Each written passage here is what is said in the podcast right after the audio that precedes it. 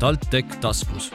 toome igal teisipäeval sinuni tõeliselt huvitavad lood meie ambitsioonikate tudengite, inspireerivate õppejõudude ja põnevate teadlastega. uurime, mis elu elatakse ka meie kolledžites Saaremaal, Tartus ja Kohtla-Järvel. kuula meid ja saad teada, kuidas me päriselt maailma muudame. tere tulemast TalTech taskusse akadeemik, materjali- ja keskkonnatehnoloogia instituudi direktor ja rohelised energiatehnoloogiad programmijuht Maarja Krossberg-Kuusk. tere!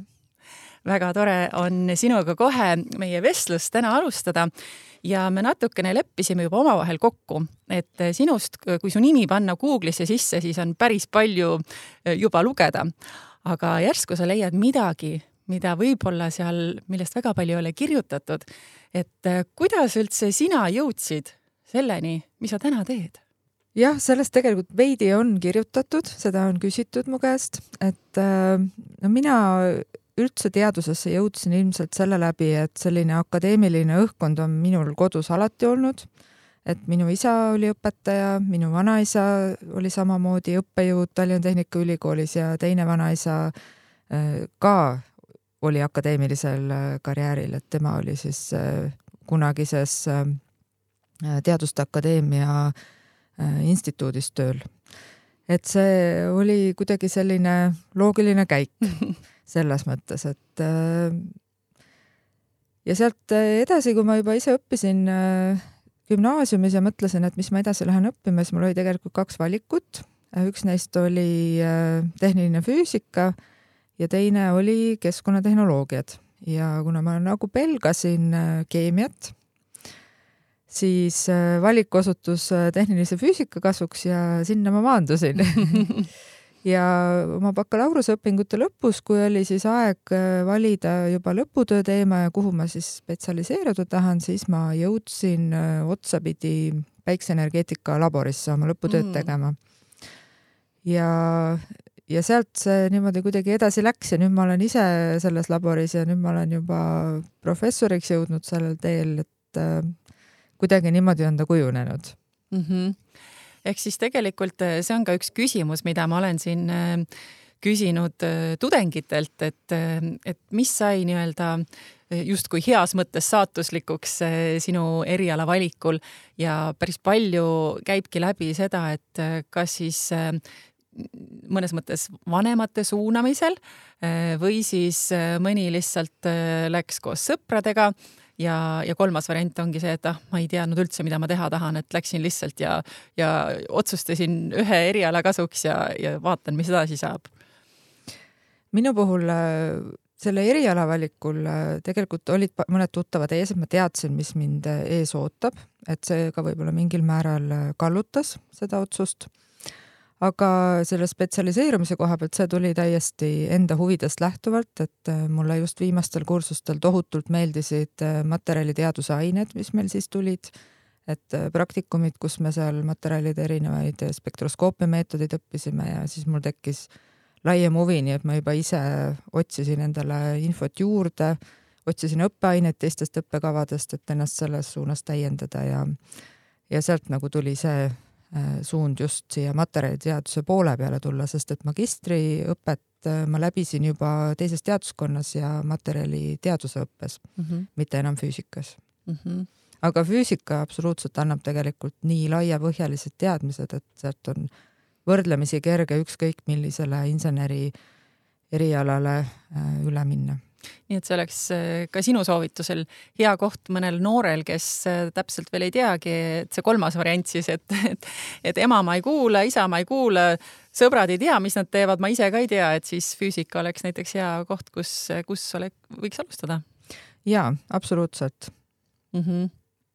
ja edasi äh, sellepärast, et nagu ma siin algul ka tutvustasin, on sul ilmselgelt väga märkimisväärne äh, karjäär tänaseks kujunenud äh, teadlasena, akadeemikuna. kuidas see edasi sul kujunes peale magistriõppeid, et kust tuli see, see soov edasi veel õppida ja, ja siin valdkonnas äh, endal siis nii-öelda kanda kinnitada? magistrantuuri lõpus nagu üldiselt ei olnudki seda küsimust, kas minna või mitte doktorantuuri, et see oli kuidagi väga selge tee juba valitud tolleks hetkeks, et mulle väga teadustöö meeldib äh,. Eriti kui sa saad teha seda sellises suurepärases äh, ikkagi oma ala tippteaduslaboris ja tippteadlastega koos, et see niivõrd palju motiveerib ja sa näed nagu, et sa jõuad äh, ka seda teed mm -hmm. järgides kuhugile, et äh, see tuli nagu väga loomuliku jätkuna.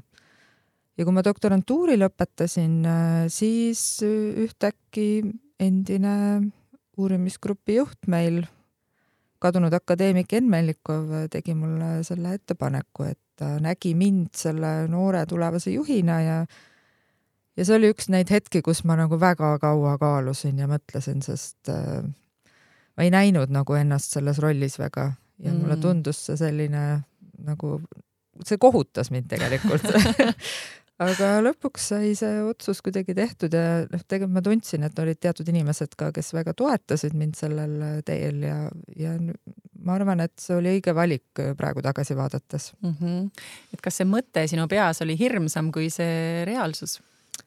jaa, oli küll just sellepärast, et äh, nagu me enne põgusalt rääkisime, et siis ma lõpetasin just äh, ise magistritöö kirjutamise hirmude teemal, et sellepärast mul oligi hea võimalus ka kohe sinu käest seda küsida ja sest et tõepoolest äh, tihtilugu see just nii ongi. et, et see mõte on palju hirmsam kui, kui see, see, et sa lihtsalt lähed ja proovid ja vaatad, mis saab ja nagu näha, siis tõepoolest see osutus ainuõigeks otsuseks. ja, sest inimesel on tegelikult sees nii palju seda jõudu et äh, neid hirme on tulnud ikka väga palju ületada ka siin teadlaskarjääris, alates äh, esimestest suurtest ettekannetest äh, konverentsidel ja need olid ikka väga kohutavad hirm oli suur, aga praeguseks ma juba naudin seda, et mm. need hirmud on ületatavad. on sul veel mõnda sellist head praktilist nippi oma suure kogemusega, et mis on aidanud sul nende hirmudega paremini siis eksisteerida?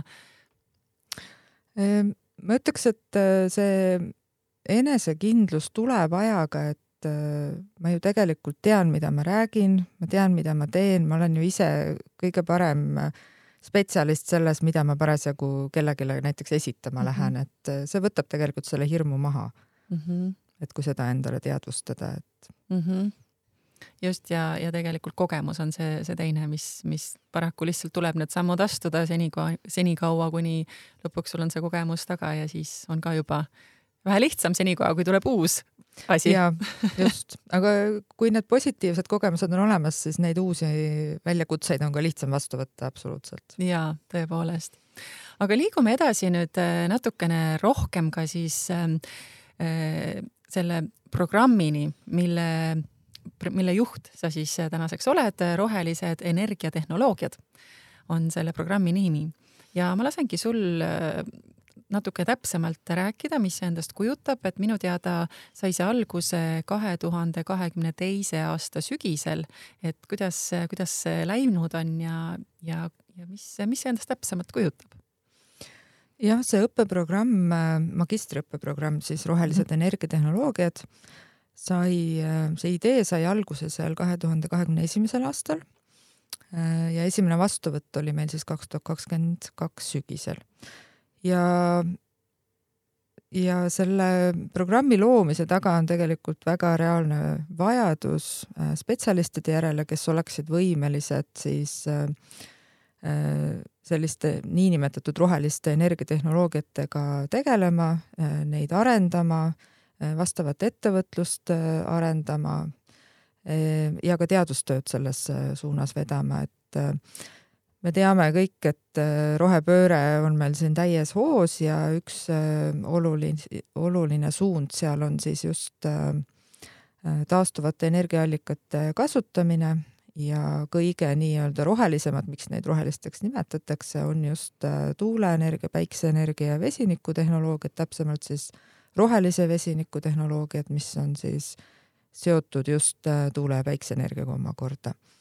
ja selle kava fookuses ongi need kolm päikeseenergia tehnoloogiat, tuuleenergia tehnoloogiad ja vesinikuenergia tehnoloogiad, et need kolm põhisammast, millel see rohepööre peaks siis äh, põhinema ja õpetame seal siis äh, päris algusest peale materjale, mida nendes valdkondades kasutatakse, millist tüüpi tehnoloogiaid, milliseid päiksepaneele, milliseid tuulikuid, milliseid kütuseelemente on üldse olemas, kuidas need töötavad ja samuti tudeng saab siis ka praktilise kogemuse nende õppimiste käigus.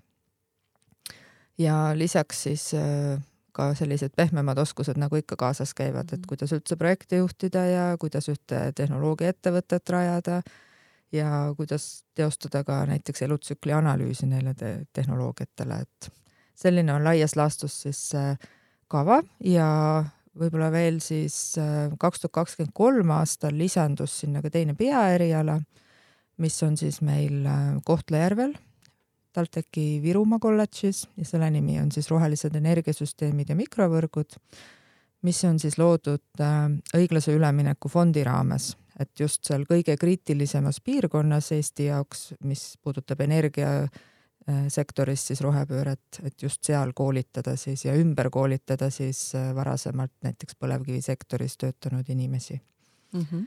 ja kava on väga hästi käima läinud, palju äh, sisseastujaid on, üldiselt on väga positiivne tagasiside olnud, et mina olen rõõmus ja väga vahvad õppurid on no see on ka hästi oluline, sellepärast et sina ju oma, oma energiaga annadki neile juurde seda indu õppida, sellepärast et äh, ega magistriõpe ju lihtne pole ja, ja ilmselgelt paljud äh, või ma peaksin seda sinu käest küsima tegelikult, et äh, kui paljud näiteks õpivad töö ja pere kõrvalt? päris paljud, ma ütleks, et magistriõppes juba suurem enamus samal ajal töötavad ka et ega see väga lihtne ei ole ja näiteks siis seal Virumaa kolledži peaerialal ongi just sessioonõpe, mis tähendab siis, et õpe toimub äh, kaks korda kuus ja nädalavahetustel, ülejäänud on äh, iseseisev töö, et see võimaldab paremini siis just äh, töötaval inimesel õppida. aga Tallinna peaerialal on, on meil päevaõpe praegu ja saavad ka hästi hakkama, et minul on hea meel, et väljalangevus on väga väike olnud sellel kaval, et nad tõesti soovivad neid teadmisi omandada ja ja alati, kui keegi jääbki hätta kuskil või koormus läheb liiga suureks, alati nad julgelt ikkagi pöörduvad ja leiame selle lahenduse, et äh, kuidas aidata mm. -hmm. ja millal see esimene pesakond nüüd välja lendab? esimene pesakond äh, lendab välja kevadel et kõigi eelduste kohaselt peaks olema meil äh, kakskümmend üks lõpetajat. Et neli tükki jäävad siin veel erinevatel põhjustel, kes on välissemestril veel või jäävad äh, ilmselt talveks, aga jah, esimesed äh, linnupojad lendavad välja kevadel. ja mida need äh, linnupojad siis, nii-öelda linnupojad tegema hakkavad, et kui nad on nüüd võtnud ette endale selle teekonna, nad on väga palju vaeva näinud, kes neist edasi saab ja, ja kas on siin näiteks sul mõnda konkreetset näidet tuua, et on mõni, mõni inimene, kes on teinud sellise totaalse karjääripöörde tänu, tänu sellele, et ta nüüd tuli õppima? sellist karjääripööret vist ei oska päris mm -hmm. välja tuua, aga see seltskond on võrdlemisi kirju, et seal on neid, kes juba õppima tulles olid kuskil valdkonnas tööl on neid, kes on õpingute ajal leidnud endale töökoha valdkonnas ja on neid ka, kes on äh, natukene võib-olla kõrval sellest valdkonnast, aga saavad siis ikkagi ära kasutada neid teadmisi ja oskusi, mis nad siit äh, saavad. et jah, ideaalis nad saavad ikkagi luua uut väärtust ja viia seda, mis iganes tööd nad siis teevad, ikkagi kõrgemale tasemele, et kas see on siis äh, näiteks päiksepaneele tootvas ettevõttes siis äh, mingite uute toodete loomine näiteks, mis on äh, üks teemasid ka seal lõputööde seas äh, või siis suures energeetikaettevõttes taastuvenergiaparkide planeerimine, midagi sellist mm, -hmm. et selleks nad oskused tegelikult omandavad ja saaksid nendega siis rahulikult ka tööturul mm -hmm. tegutseda ja kes teab, võib-olla ka siit võib sündida mingeid huvitavaid äh, koostöid. Äh, mõni saade tagasi meil käis just külas ähm, ettevõtte Kiud, üks asutajatest, äh, kus, mis sündis samamoodi tegelikult inseneriteaduskonna magistri lõputööst ja siis MBA programmi lõpetaja nii-öelda koostööst. et tegelikult need võimalused on ka alati olemas ja ülikool on selles mõttes ikka selline väga hea inkubaator, et siin on nii palju äh, erinevate erialade esindajaid ja, ja see teadmiste, kui sa oled ise avatud, siis äh, kindlasti on äh, väga hea koht kontaktide loomiseks ja seda ma olen näinud ka selle väikse kursuse sees, kes tegelikult nüüd sel kevadel lõpetama hakkab, et just mitte ainult ei tulda ülikooli õppima, vaid ka õpitakse nendelt, kes juba valdkonnas on omandanud kogemusi, et see on ka tegelikult väga väärtuslik olnud nende jaoks mm. -hmm. aga keda sina näed, et kes on selline nii-öelda ähm,, kuidas nüüd öelda, keda võiks see, see programm kõige enam kõnetada? Mina arvan, et ta võiks kõige rohkem kõnetada tegelikult värskeid äh, bakalaureuse lõpetajaid, kes äh, tõesti soovivad äh, just roheliste energiatehnoloogiatega nagu süvitsi tegeleda, et nad tõesti õpivad, kuidas neid tehnoloogiaid rakendada, kuidas ise nullist valmistada näiteks päiksepaneeli või modelleerida seal tuuleparke või valmistada kütuseelemente näiteks, et äh, see oleks võib-olla mõnes mõttes kõige väärtuslikum panus tööturule, et me saame sellise spetsialisti, kes on võimeline ise looma.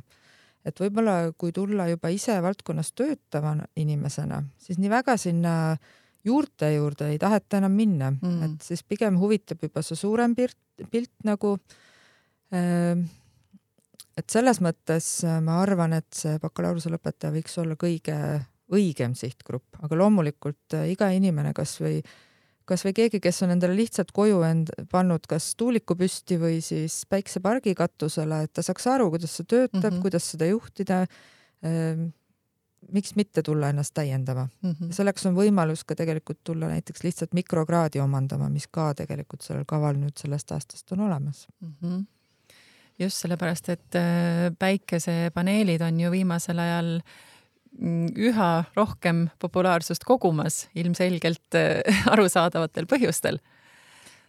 just jah, ja see ei, areng ei peatu veel niipea, sest äh, suure tõenäosusega need mahud kasvavad ikkagi, nad on juba viimastel aastatel äh, päikseparkide mahud maailmas siin mitmekordistunud iga aastaga ja ilmselt see trend jätkub veel päris pikalt, et see on ikkagi üks kõige paremaid lahendusi tuulikute kõrval siis mm, -hmm. et äh, seda äh, kliimaneutraalset nii-öelda elektrienergia tootmist siis mm -hmm. kasvatada ma kasutaksin võimalust ja pisut natukene hästi põgusalt, kuigi jällegi sellest võib ka väga palju juba lugeda sinu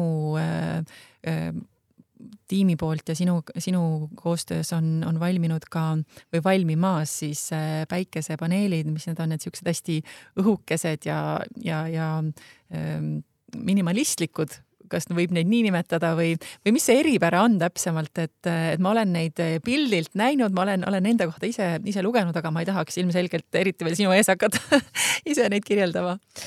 ja tõesti, meie uurimisgrupp äh, töötab välja siis äh, sellist niinimetatud monoterakiht päikesepatareid, mis siis äh, on selline unikaalne tehnoloogia, kus äh, me alustame sellest, et äh, me kasvatame sellised pisikesed äh, kristallid, mida me nimetame siis monoteredeks ja nende baasil siis ehitame selle päikeseelemendi ja selle tehnoloogia eripära on just see, et ta võimaldab teha selliseid painduvaid, ülikergeid ja ka valgust pooleldi läbi laskvaid päikeseelemente.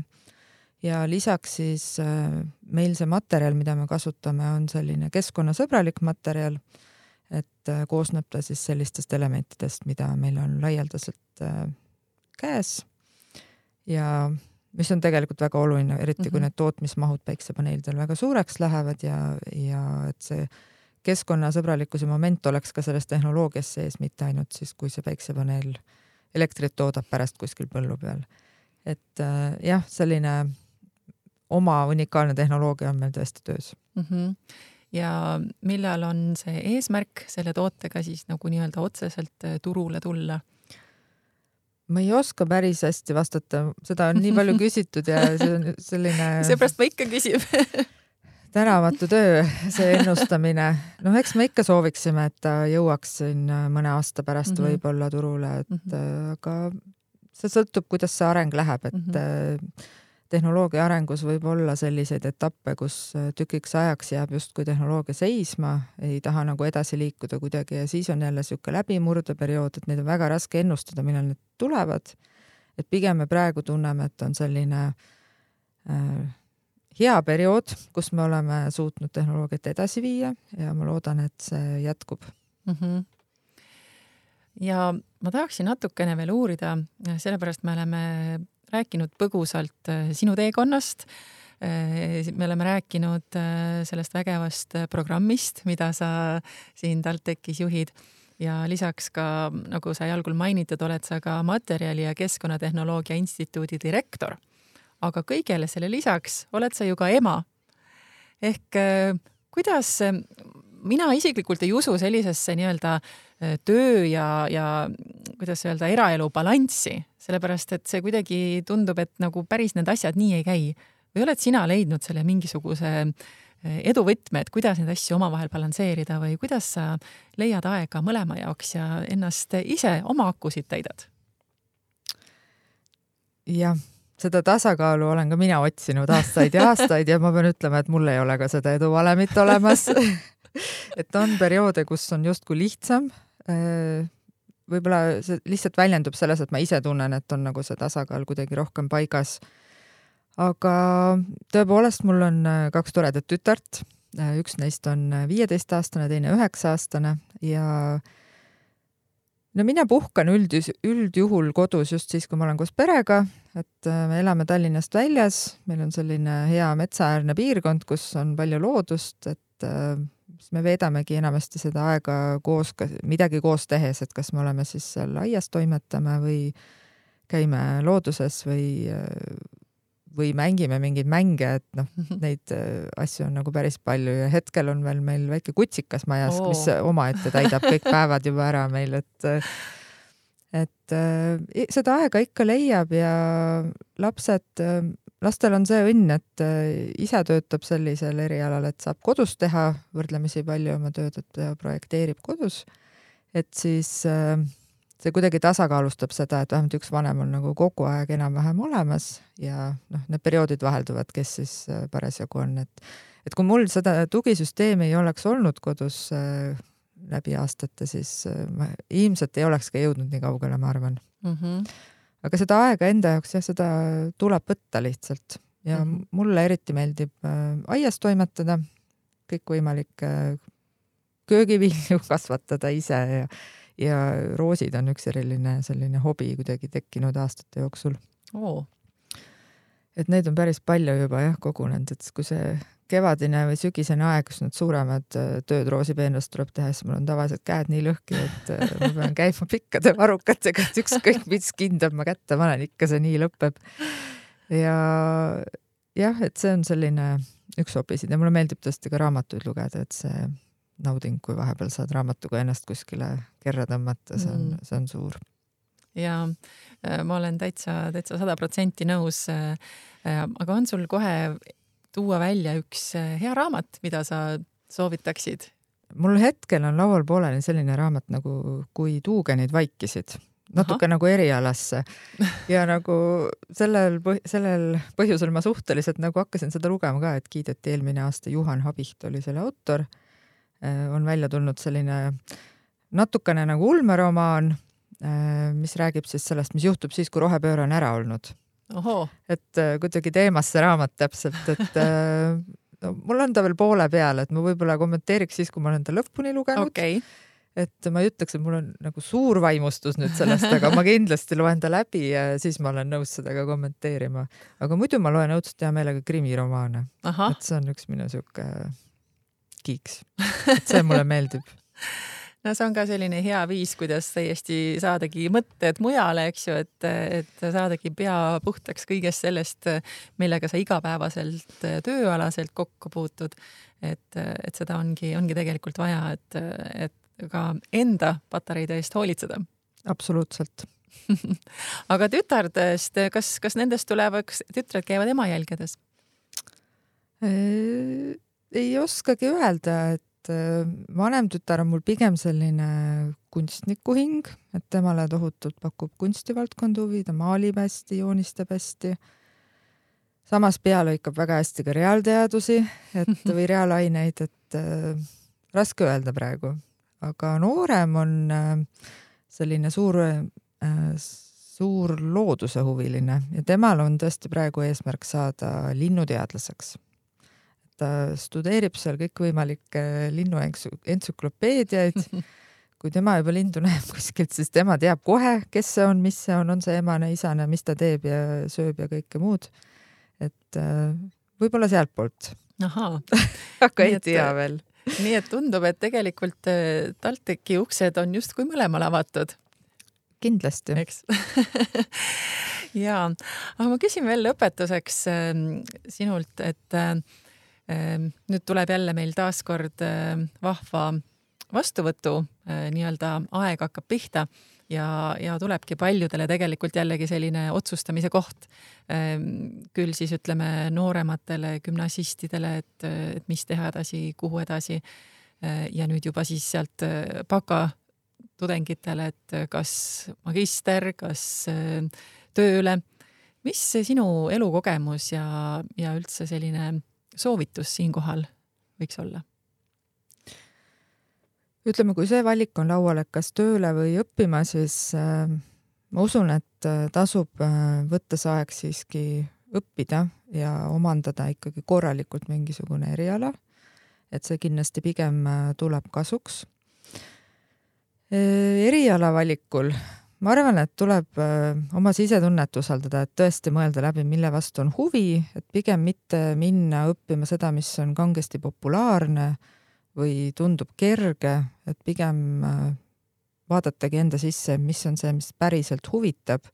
et sellist eriala on alati ka palju lihtsam õppida ja ennast motiveerida ka õpingute käigus, et kui sa näed nagu seda tulevikku seal juba mm, -hmm. et kus sa võiksid seal paikneda siis mm -hmm. selles valdkonnas mm. -hmm. just sellepärast, et äh, neid raskeid perioode kindlasti tuleb ja, ja, ja tegelikult äh, siis ongi ju kõige lihtsam nii-öelda asi pooleli jätta, kui sul veel ei ole ka sellist nagu suurt kirge selle, selle teema vastu, mida sa siis nüüd õpid, et, et tõepoolest, et, et see tõepoolest on väga hea soovitus ma arvan, et see töötab jah, et äh, kui see pikem siht on silme ees ja oled ikkagi südamega tõesti asja juures ja huvitatud, siis äh, igasugu raskused on ületatavad. ja ma arvan, et selle hea mõttega on väga hea tänane saade ka lõpetada. suur aitäh sulle, Maarja, et sa tulid, jagasid äh, nii enda kogemusi kui üleüldse võimalustest, mida annab siis rohelised energiatehnoloogiad programm ja soovin sulle kõikides sinu tegemistes palju-palju edu. suur tänu. ja suur aitäh sulle, hea kuulaja ning taaskord kuulmiseni juba järgmisel teisipäeval TalTech taskus. TalTech taskus, tõsiselt huvitav. igal teisipäeval Spotify's ja SoundCloudis